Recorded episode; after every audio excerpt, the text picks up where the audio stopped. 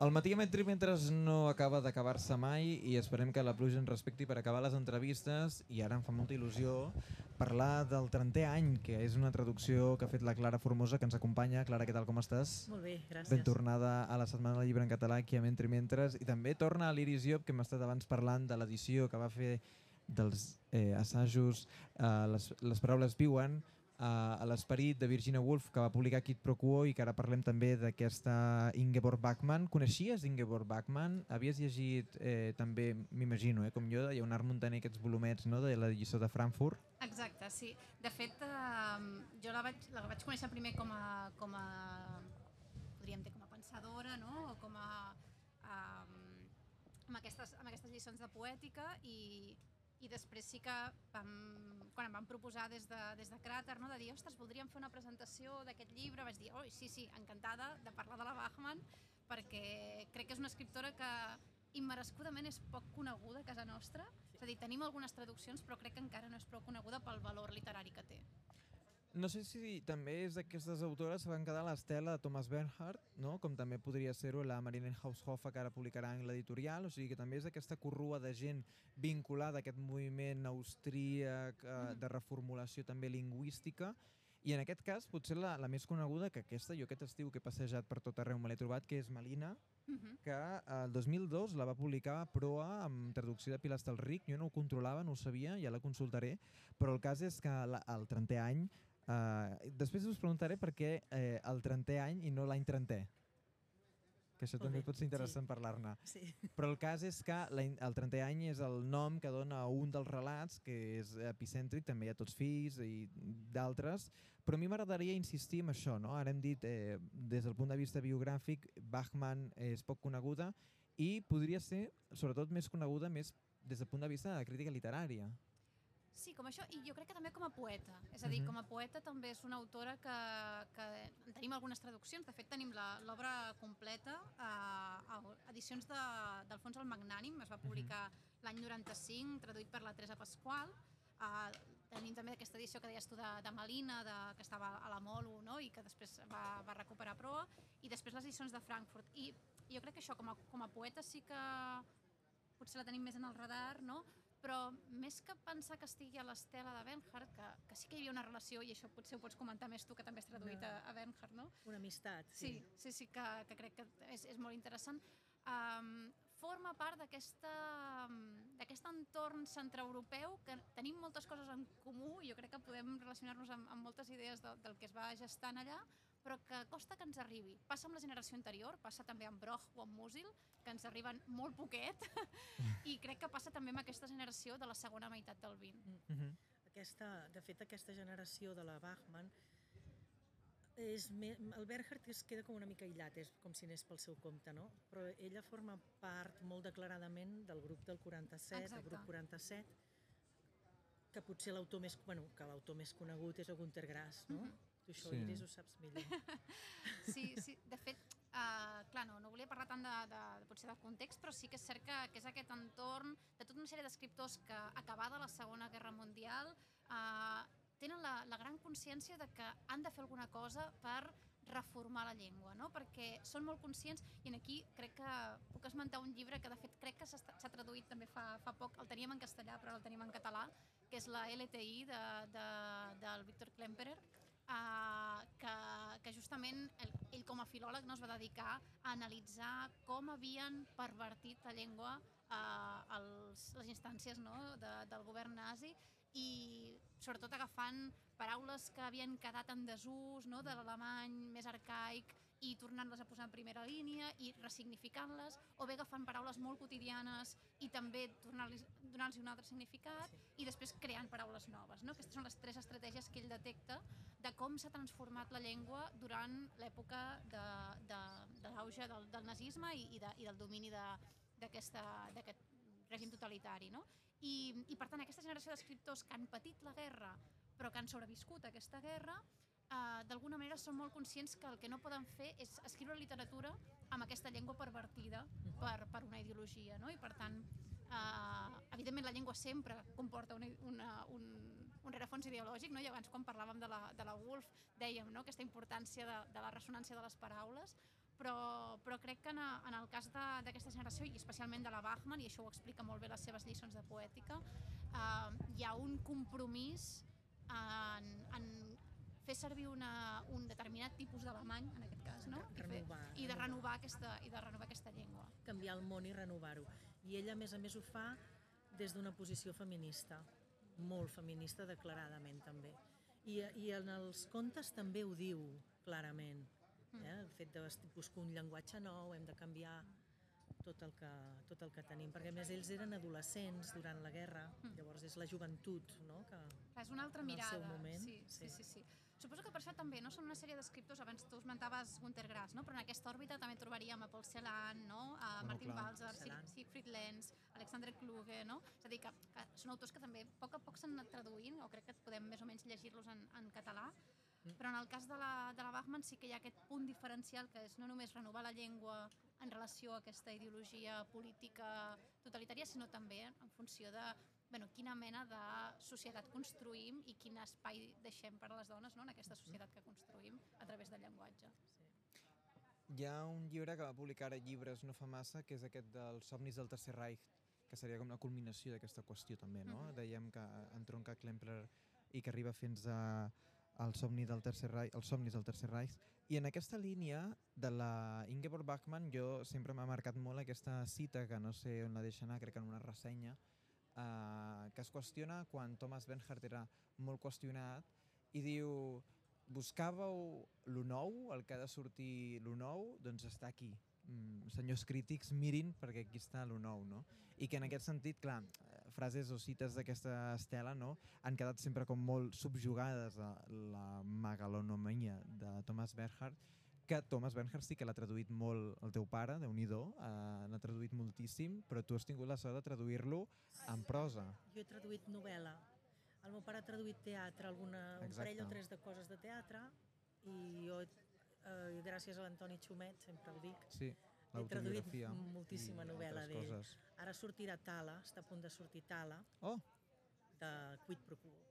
Ostres, doncs estarem ben atents perquè en altres segells dèiem, eh, tens l'autobiografia segmentada amb altres editorials, però que sempre també era aquest eh, projecte Sempre. editorial. Sí, també, Sí, Formigó, també, sí, for... espera. i sí, em deixaré un segur. Limitador de veu, Limitador de veus, mestres antics, mestres antics, els meus premis, els meus premis, i no me'n voldria deixar cap. Sé que són 11 perquè els vaig comptant. doncs estarem ben atents. Ara, si surt Tala, uh, parlem del 30è any. Uh, Roma, un accident, Viena, la crisi dels 30, mai millor dit. Uh -huh. Eh, com es, què, és, què és això? Què és això ben bé? Perquè a mi l'escriptura de la qual m'ha fascinat. Què és això? Ostres, és difícil de definir. Crec que, bueno, com vam fer la, la presentació de, del llibre la Carbonera, una de les coses que vam comentar és que podríem parlar de contes, però a la vegada no són ben bé contes, No, eh, tampoc és una novel·la, Mhm. tampoc són assajos, és a dir, primera, genèricament, ja costa de definir què està fent exactament aquí la Bachmann, i després la Mhm. llengua és molt poètica, per tant, I també tenen un punt de memòries. Exacte, sí, sí, és a dir, és, és aquesta complexitat de ja no saber ben bé quin referent has de tenir per llegir-ho, no? És a dir, des d'on des d'on ho estic eh, analitzant o quina mena de, de, de textos puc agafar per...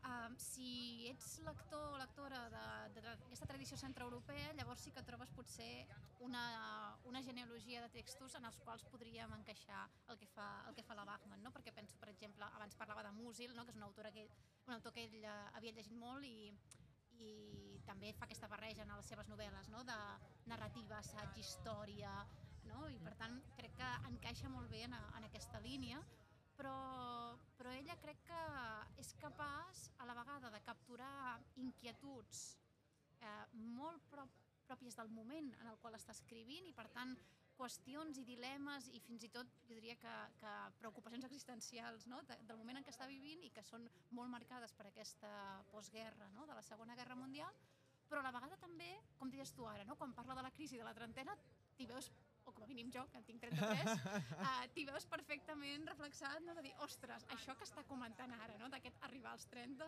Sí, sí. ho he viscut, no?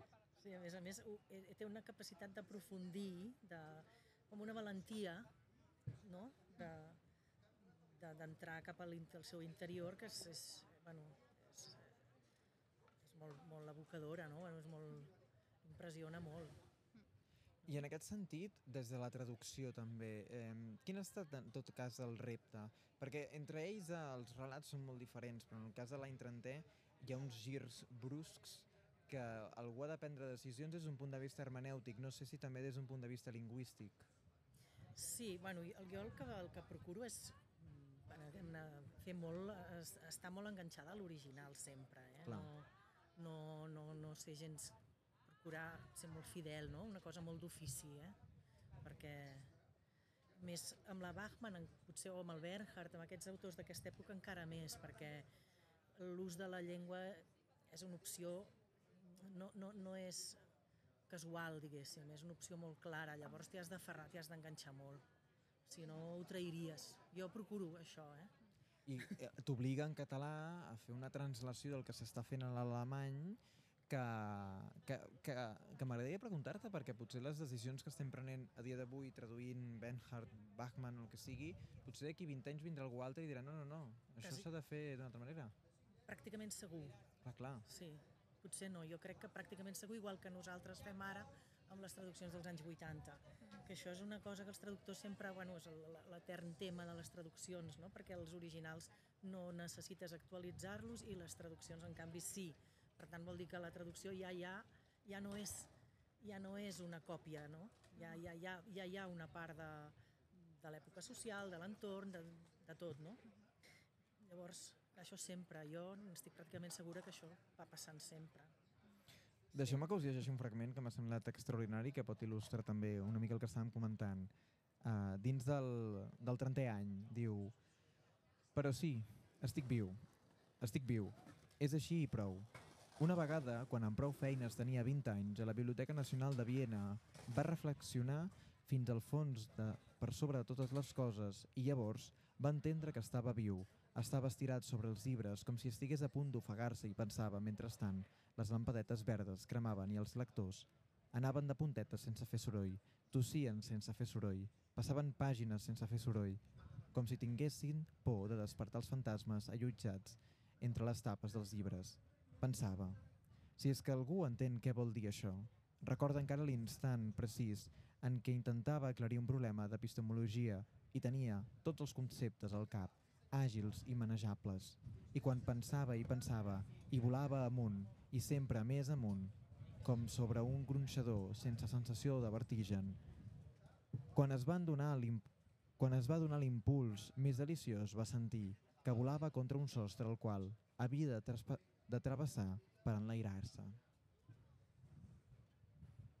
Aquesta repetició constant, superbenhardiana diríem, no? que se'ns ha arribat per Benhard, aquesta qüestió no? de que ha d'aparèixer de sobte un fantasma d'un objecte que, que quedem capficats i després potser l'oblidem i no apareix fins al cap d'una estona. Aquests personatges que tota l'estona no? De sobte fan un gir de guió, hi ha un canvi inclús en la focalització, tots això són els elements que el lector pot trobar-se en, en aquest, uh, el 30è any.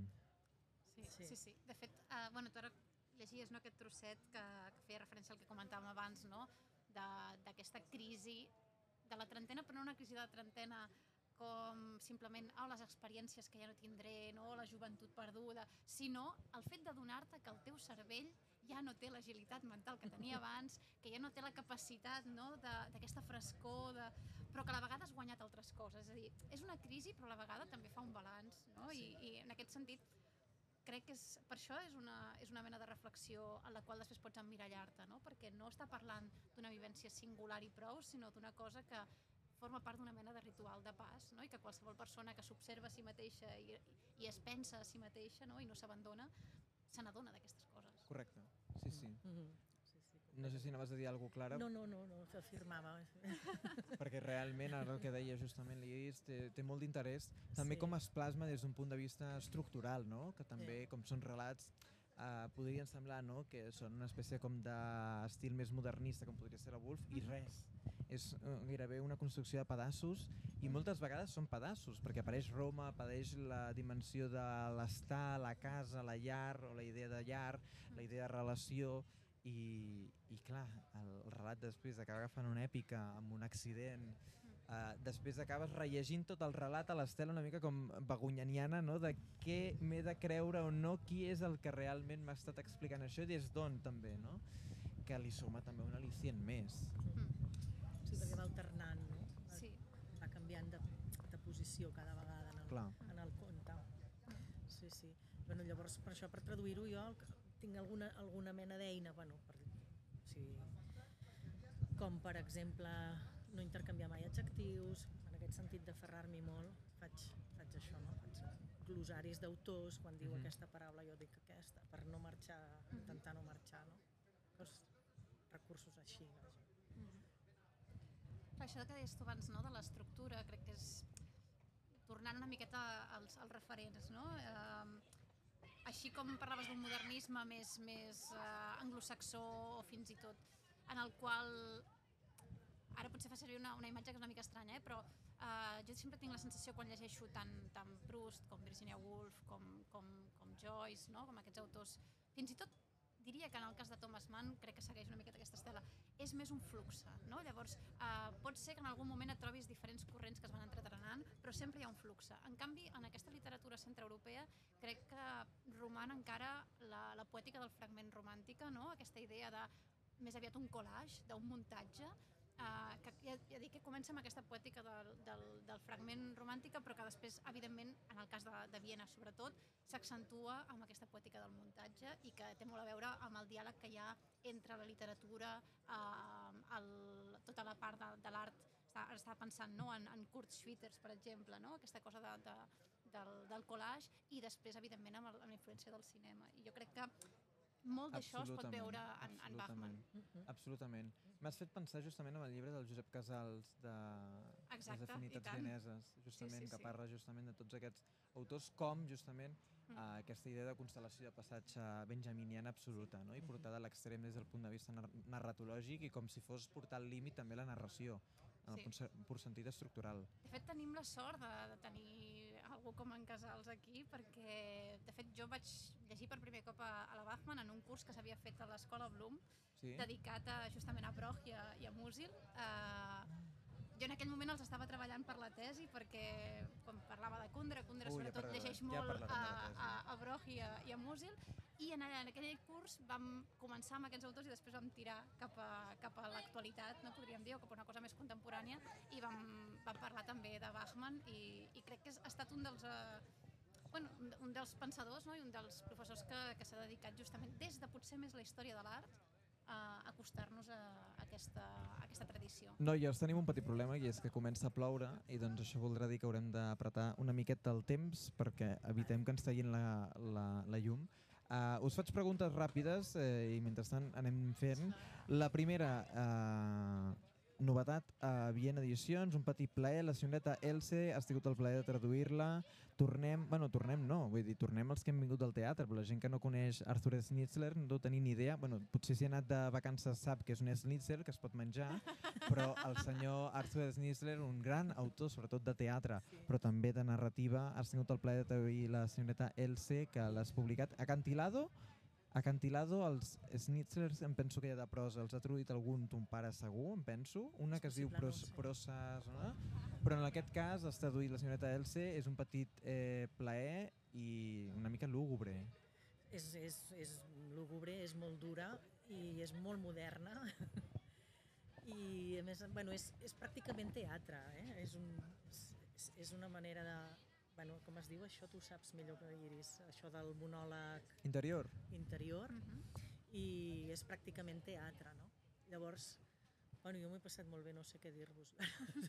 jo tinc moltes ganes de descobrir. Li vaig dir justament a la Clara, a la Blanca Pujals, que, que penséssiu amb el Josep Casals per fer una presentació un acte, perquè realment va ser Sí, clar. interessantíssim creuar l'obsessió, en aquest cas la malaltia és nitzeriana de la ronda, de la cacatua verda que dèiem abans, tots ells traduïts pel teu pare Sí, en teatre, sí, sí. l'últim el, el professor Ben Hardy que va protagonitzar, protagonitzar Lluís Omar al Teatre Nacional, recordo. Sí, veure. Per tant, tornem a Schnitzler amb Clara Formosa, però Clara Formosa ha tingut ara ha hagut de batallar amb uns quants bikes, Sí, que n'has publicat uns quants. Quants són? Tres o quatre a petits plaers? tres. Són tres. tres. Sí, són la novel·la d'escacs, Correcte? La carta, d'una desconeguda, desconeguda. i l'amor d'Erika Ewald. i l'amor d'Erika Ebal. Doncs sembla que venen les tempestes, noies. Potser és el fantasma de Milan Kundera que s'ha donat que no t'he preguntat encara per Milan Kundera i que s'ha re reencarnat aquí al moll de la fusta. Ara, bueno, mentre no s'aixequin els toldos i no comencin a volar, Milan Kundera, vas dedicar-hi la tesi, Sí. n'ets especialista i malauradament recordíem, recordàvem Milan Kundera perquè ens va deixar a inicis d'estiu, diria. Sí, sí, Sí, sí, clar que aquest hauràs de moure una mica i acabarem aquí l'entrevista. Doncs, doncs sí, uh, de fet, uh, Kundera és una d'aquelles lectures adolescents que després t'acompanyen tota la vida. Uh, passa que en lloc de començar llegint les seves novel·les, que és el que probablement van fer molts adolescents en el seu moment, uh, jo vaig començar llegint els seus assajos i per la casualitat de que es trobaven a la, a la biblioteca del meu poble i que per tant doncs, remenant entre els textos d'estudis literaris em vaig trobar que hi havia una cosa com el taló uh, i aquí vaig començar a llegir i després un cop ja vaig entrar a la carrera acadèmica doncs uh, em vaig adonar que la meva manera de llegir s'havia condicionat i nodrit molt del seu, del seu pensament i de la seva manera d'analitzar textos i per això un cop vaig eh, decidir fer la tesi doncs eh, tenia clar que un dels referents seria, seria Kundera. Serà interessant un dia que en parlem amb calma perquè em consta que es reimprimiran Kunderes. Uh, Kunderes em penso que en català és Tusquets, si no, dic, sí, si no sí, m'erro. sí, és, és, és Tusquets. Uh, passa que Tusquets, que publica tant en català com en castellà la seva obra, uh, sobretot ha reeditat molt el castellà i el català potser no tant. Bueno, I doncs se n'han de- fet algunes edicions també en de butxaca. Uh, però, però vaja, uh, jo espero que, malauradament, justament perquè, perquè ha, ha mort, no? però, però que espero que sí que, que es reediti. Liderutians ho som tots aquí a Mentre Mentes, per tant tenim ganes de, I de tant. parlar amb calma de Milan Kundera i de també tota la seva obra, que com dèiem fa poc eh, Jordi Martín Lloreta em publicava, em penso, un, un, Un assaig. Una, un assaig. Sí, bueno, dos assajos, de fet, sí, sí, sí. Um, aquesta, aquest Occident uh, aquest mateix, segrestat, aquest, que, aquest mateix. que, és, que és de fet una cosa que em va sorprendre perquè és un assaig que ell en el seu moment va dir que, que no volia que es tornés a publicar perquè era un text circumstancial, eh, marcat per una per una, bueno, doncs per això, per uns, un, una sèrie de, de conjuntures històriques de, dels anys 80 i, i que per tant no tenia intenció de tornar-lo a publicar i en canvi doncs, sembla que ara es van decidir, no sé si també per una conjuntura política, a tornar-lo tornar a publicar. Iris, t'he d'agrair moltíssim avui que ens hagis acompanyat per la A Wolf, per la per- Bachmann i ara per acabar amb aquest convidar-me. colofó um, Kundera. Moltíssimes gràcies. Fins la propera,